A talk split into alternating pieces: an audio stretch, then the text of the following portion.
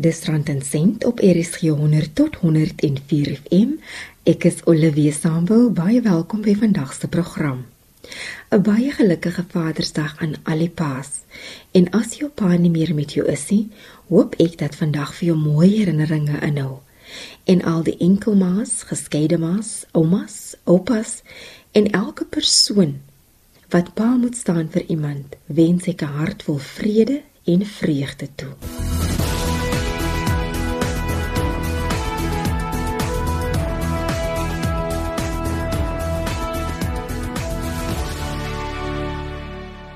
Dis ongelooflik maklik om nog meer skuld te maak, selfs al verdrink jy in 'n poel van onnodige uitgawes. En ongeag wat jou finansiële situasie is, sal kredietverskaffers steeds skuld aan jou bied.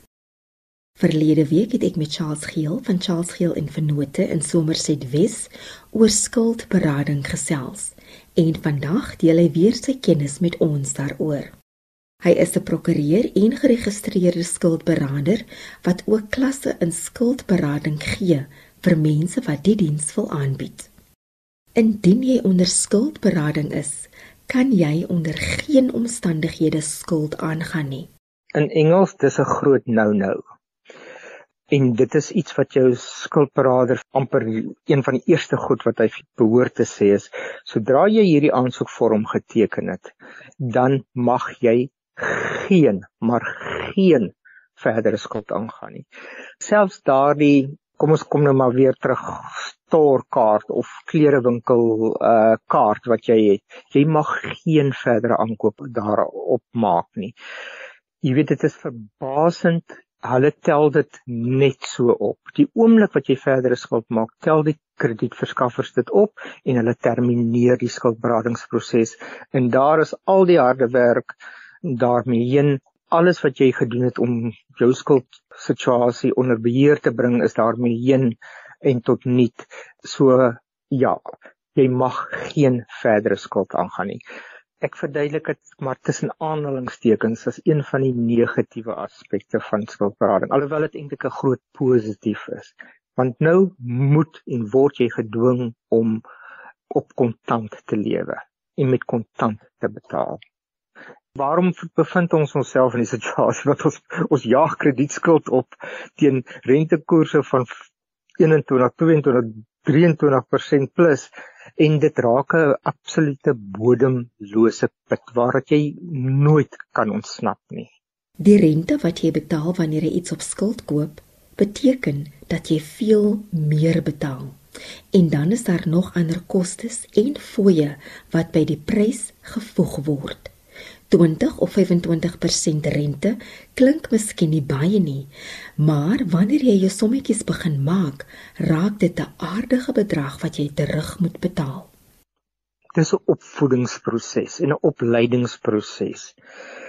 En ek ek is nie altyd seker, jy weet of daar genoeg gedoen word om mense op te lei nie. Dis een van my nou gebruik ek weer 'n Engelse woord gripes. En dit is meeste maatskappye het hierdie wellness programs. Wat doen hulle? Hulle roep 'n finansiële adviseur in. En 'n finansiële adviseur bemark dan 'n verdere uh, begrafnispolis of 'n verdere lewenspolis of wat ook al die geval mag wees. Maar dit help daardie verbruiker absoluut net mooi niks met die skuld waarmee hy sit nie. Kredietkaart skuld is seker van die slegste skuld wat mens kan aangaan op die ouene van die dag soos hulle sê you robbing Peter to pay Paul. So nou gebruik jy jou kredietkaart om jou winkelkaart te betaal en en so gaan dit aan en dit raak 'n absolute rowwe sirkel waar jy nooit ontsnap nie. Kan jy besluit om nie meer met skuldberading voort te gaan nie? Maar daar het ek ongelukkig slegste nuus vir die verbruiker. Die oomblik wat jy daardie aansoekvorm geteken het, in die oomblik wat jou Jou skuldberader doen dan 'n volledige finansiële ondersoek en hy moet daai ondersoek afhandel binne 30 dae van jou aansoek en dan dat weet hy vir die krediteure luister. Ons het hierdie hierdie verbruiker se aansoek het ons aanvaar of ons het hierdie verbruiker se aansoek van die hand gewys omdat hulle dit nie kan bekostig of wat ook al. Maar die oomblik wat daardie skuldberader dan jou aansoek aanvaar, van daardie oomblik ek weet nie of Afrikaans reg is nie opbetalingsbrief of 'n paid-up letter in Engels van dat jou krediteer bekom en as jy opbetalingsbriewe het van almal van hulle, dan ry jou skuldberader 'n ehm um, daarvoor is daar ook nie Afrikaanse woord nie, 'n clearance sertifikaat uit wat sê al jou skuld wat onder skuldberading was, is opbetaal, klaar betaal. Dit word gestuur aan al die kredietburo's en jy meneer verbruiker, jy mevrou verbruiker begin met 'n splinter nuwe skoon blaadjie. Die oomblik wat jou skuldberader jou oorverskuldig verklaar het en jou aansoek aanvaar het, van daardie oomblik is jy onder skuldberading totdat jou skuld opbetaal is en volledig betaal is. En jy kan nie dan meer onder skuldberading uitkom nie. Die goeie daarvan is dit dwing jou om voort te gaan met die proses, dit dwing jou want jy het goed begin. Jy het, jy het besef jy's in die moeilikheid. Jy het besef jy moet beheer vat van hierdie situasie. En nou wil jy halfpad uitklim. Die waarskynlike rede is want jy wil nog skuld gaan aangaan.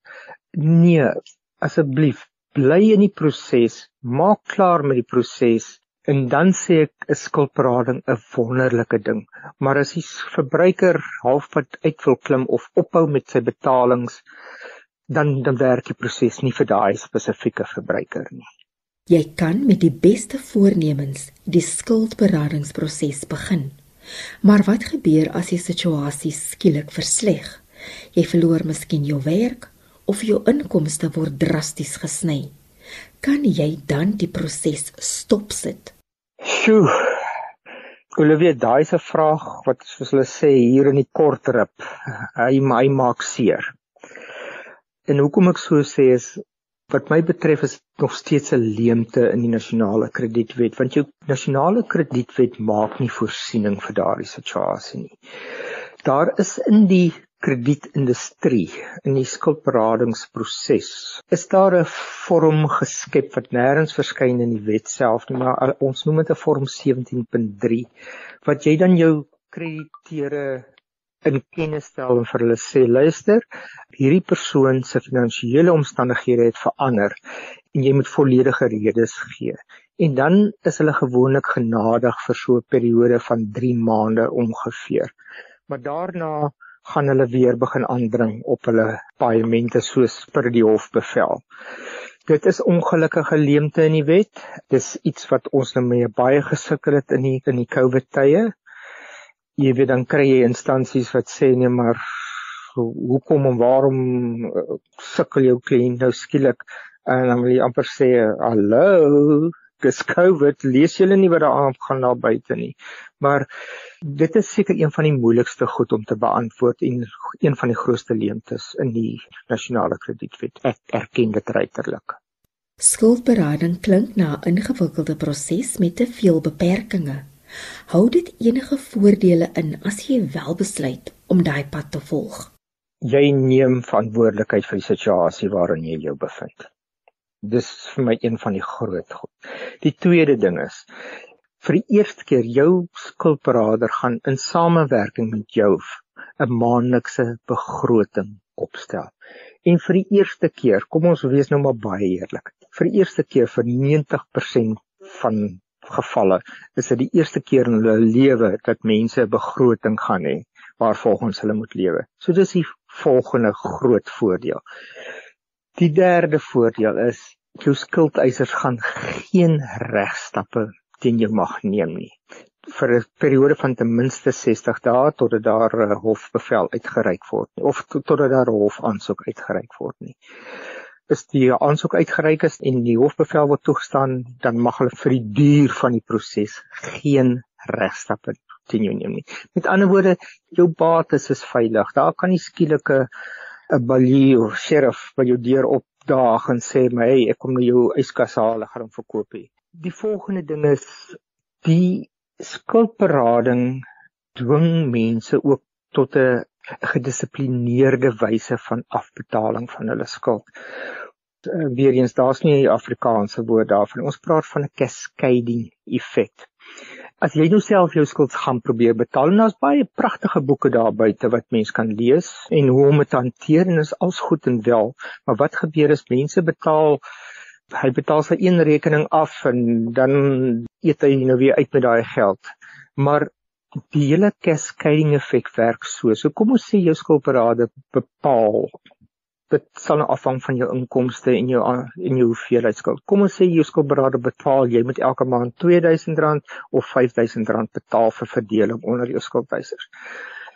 Daardie bedrag bly gedurende die proses dieselfde. Tensy jy nou hier langs die pad 'n lekker groot verhoging kry en jy kan ekstra bydra tot jou skuld. En dan kom ons sê nou betaal jy jou minste skuld af. Dan daai R50 wat per maand gegaan het aan daai kleinste skuld word nou verdeel onder jou oorblywende skuldeisers.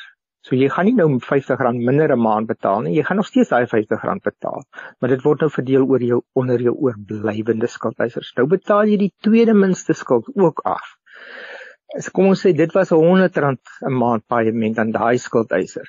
Nou nou's daar al R150 wat die ander skuldeisers meer kry per maand.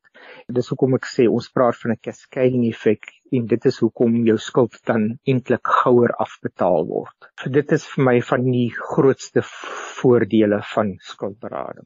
Dit was Charles Geel van Charles Geel en Vennote in Somerset Wes wat gesels het oor skuldberading.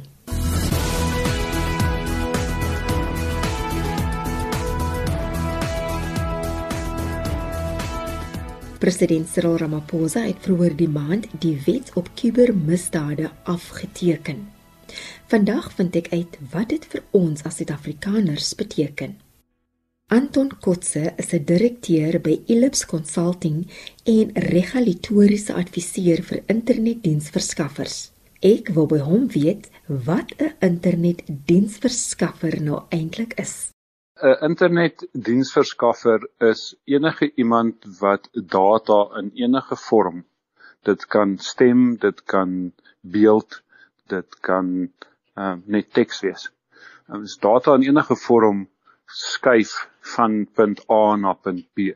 As jy byvoorbeeld vir jou vriend of familie dalk ergens in die wêreld kom ons gebruik 'n voorbeeld Kanada, jy stuur 'n e-pos of jy heg aan hierdie e-pos aan 'n video klip van die oulike prentjie van jou hondjie wat nou iets ouliks gedoen het.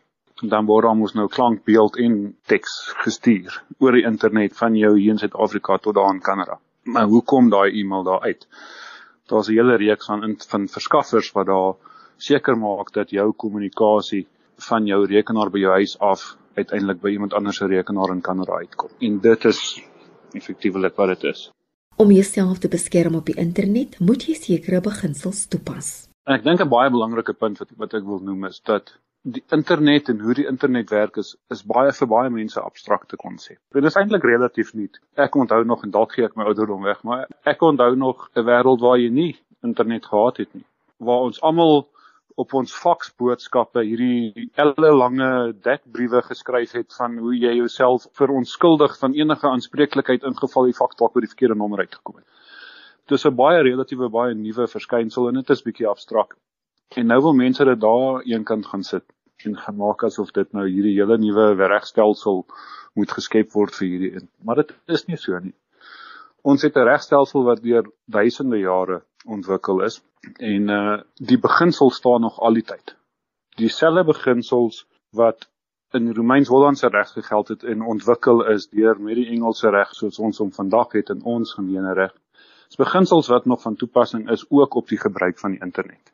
Daar het nog niks verander nie. Dis net nuwe feite wat op dieselfde beginsels toegepas word. En jy kan dit sien, daar's al baie baie hofsaake en CCMA sake waar mense byvoorbeeld goed op Facebook gepos het waar hulle afgedank is daaroor of waar daar lastersake gemaak is daaroor.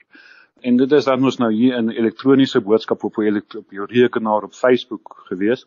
Maar die beginsels van laster, die beginsels van privaatheid, die beginsels van van jou plig teenoor jou werknemer, daardie beginsels is toegepas daarso.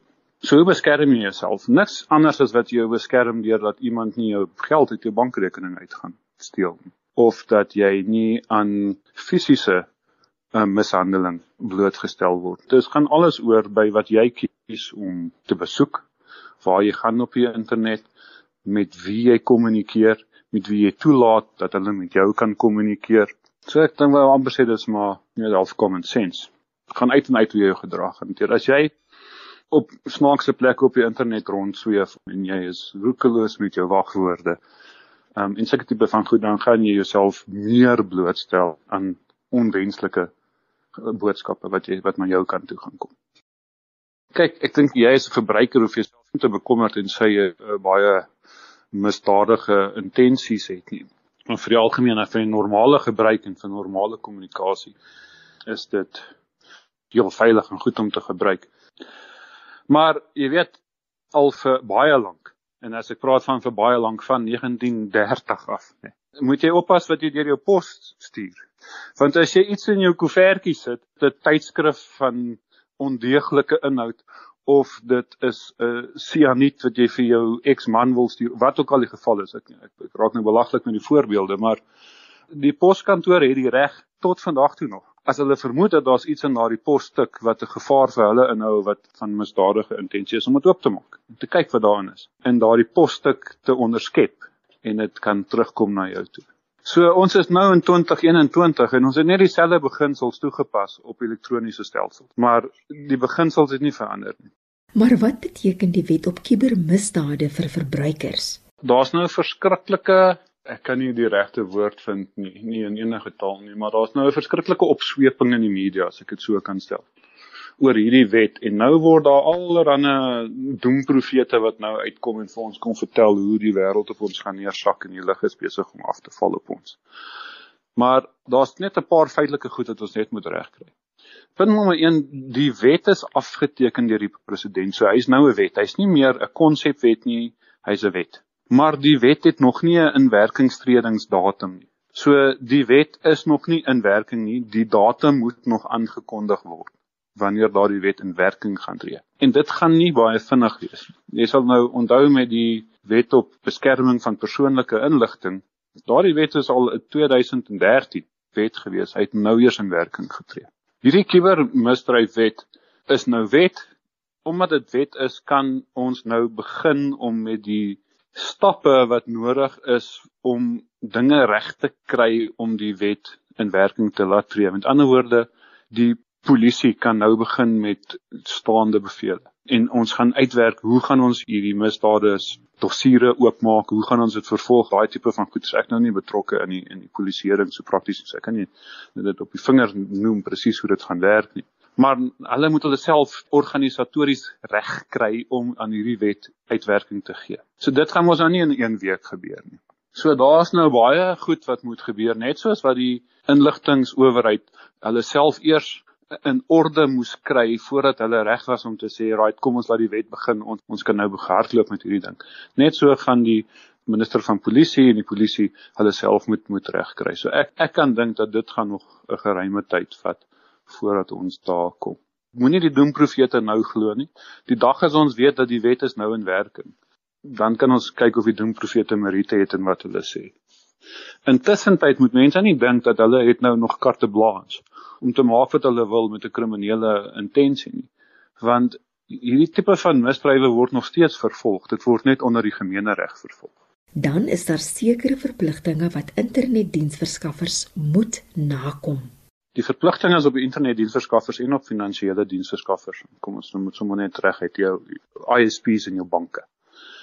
Is om sekere misdade wat tot hulle kennis kom aan te meld.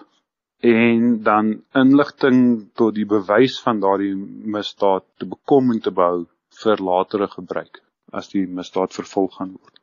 Wat ons nie weet nie is presies watter een van daardie 'n misdaad dit is wat onder hierdie bepalinge gaan geld. Die wet sê dit dit sal later bepaal word. So dit sal in 'n regulasie of 'n direktief van een of ander vorm bepaal word en dit dit is nog nie daar nie. Wat die wet wel sê en ek moet nou voor wat ons weet doen profete het. wat nou wat ek nou sê vat en met hom weghol.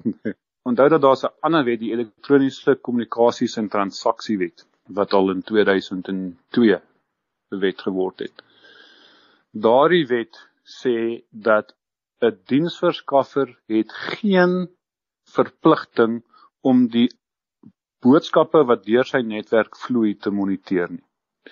En die kubermisdryfwet bevestig dit en sê soos die elektroniese kommunikasie en transaksiewet bepaal, bevestig die kuberwet dat 'n diensverskaffer het nie 'n verpligting om enige data wat oor sy netwerk vloei te moniteer nie.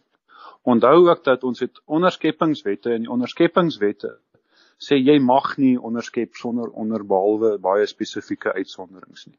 En dan sê die kubermisdryfwet ook, dit is 'n dit is 'n misdryf om te onderskep onder die kuberwet.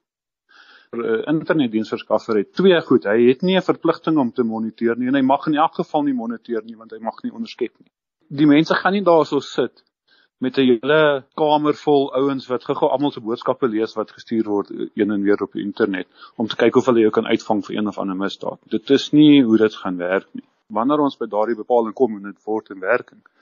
Ek dink meer prakties wat ons nou sien onder ander tipe van voorbeelde is dat iemand gaan daardie inligting tot jou kennis bring. Hulle gaan sê, ons is bewus dat hierdie persoon gebruik daardie webwerf hierdie doeleindes. En nou kan ons gaan kyk en ons gaan sien, ja, dit lyk vir ons hierso is 'n probleem. Okay, nou sal ons al dit goed goed gaan doen wat ons moet doen. Maar daar's nog weet vra daaroor want as iemand vir my kom sê of iemand vir my kliënt kom sê, hoorie, gaan kyk bietjie daar's 'n probleem dan weet hulle mos daar's 'n probleem en dan is dit mos al klaar aangemeld so kom sal my kliënt dit weer moet gaan aanmeld. 'n Hofgeding kan 'n lang uitgerekte en uiters onaangename ervaring wees wat emosioneel uitmergelend kan wees en jou boonop finansiëel kan uitroei. Is dit enigsins moontlik om iemand voor te berei vir die moeilike pad wat voorlê? Yes. Kyk, daai is nou 'n moeilike vraag om te beantwoord want daar's soveel onbekendes in daai proses. Dis baie moeilik en dit weet 'n verantwoordelike regsverteenwoordiger moet presies daardie aspek met sy kliënt aanspreek om te sê kom dat ons nou sit en net deurgesels wat die moontlikhede is en waar dit kan kom want daar kom 'n punt waar jy amper nie meer op kan terugkeer en kan omdraai nie. So ek persoonlik sê altyd vir my kliënte, jy moet nie blaf as jy nie bereid is om te byt nie. Moenie na my toe kom en my kom vra om 'n groot geblaf op te sit, maar jy's nie bereid om te byt nie want dan het ons net almal se tyd gemors. So wat gaan dit behels om te byt? Wat gaan die koste impak wees? Wat gaan die tyd impak wees? Wat gaan die emosionele impak wees? En dit is iets wat uitgepak word op 'n geval op 'n geval basis. Ek is nou baie meer in die kommersiële rigting, so vir maatskappye is dit baie maal nie persoonlik nie, dit is nou maar net sekere beginsels wat hulle dryf en dit dryf tot op 'n kommersiële haalbaarheidpunt dan word dit gestop. Maar as dit nou byvoorbeeld iets is soos 'n egskeiding of is 'n lastersaak of of iets wat baie persoonlik was, gaan die emosionele belegging in daardie saak baie groter. Die hofproses kan baie lank vat en dit kan baie duur wees, dit hang af van wie jou verteenwoordigers is en ook hoe die partye die saak hanteer. So partye kan sloer en hulle tyd vat sprus tyd mors, dan raak die proses lank nie omdat die regsproses lank is nie, maar omdat die partye hulle tyd vat. Of dit kan relatief vinnig wees as almal uh, op tyd ons goed indien en ons ons papierwerk is in orde, dan kan mens relatief vinnig kom en dan hang dit af ook in waar en wat se hof jy is. As jy sê maar in die noordweste is en jy gaan na die Mafeking hof toe, dan gaan jy in, Des in Desember 'n saaknommer kry wat jy in die Pretoria of Johannesburg hof al reeds in Januarie gekry het. Dis kom ek sê dis dis baie moeilik om daardie een te antwoord. Dit gaan maar regtig afhang van waar jy is, wat jy is en wat die feite is. Dis Anton Kotse, regulatoriese adviseur vir internetdiensverskaffers Ek is Olivia Sambo vir Rand en Sent. Is 100 tot 104 FM. Dis tot sins van my tot volgende week. Bly warm en bly veilig.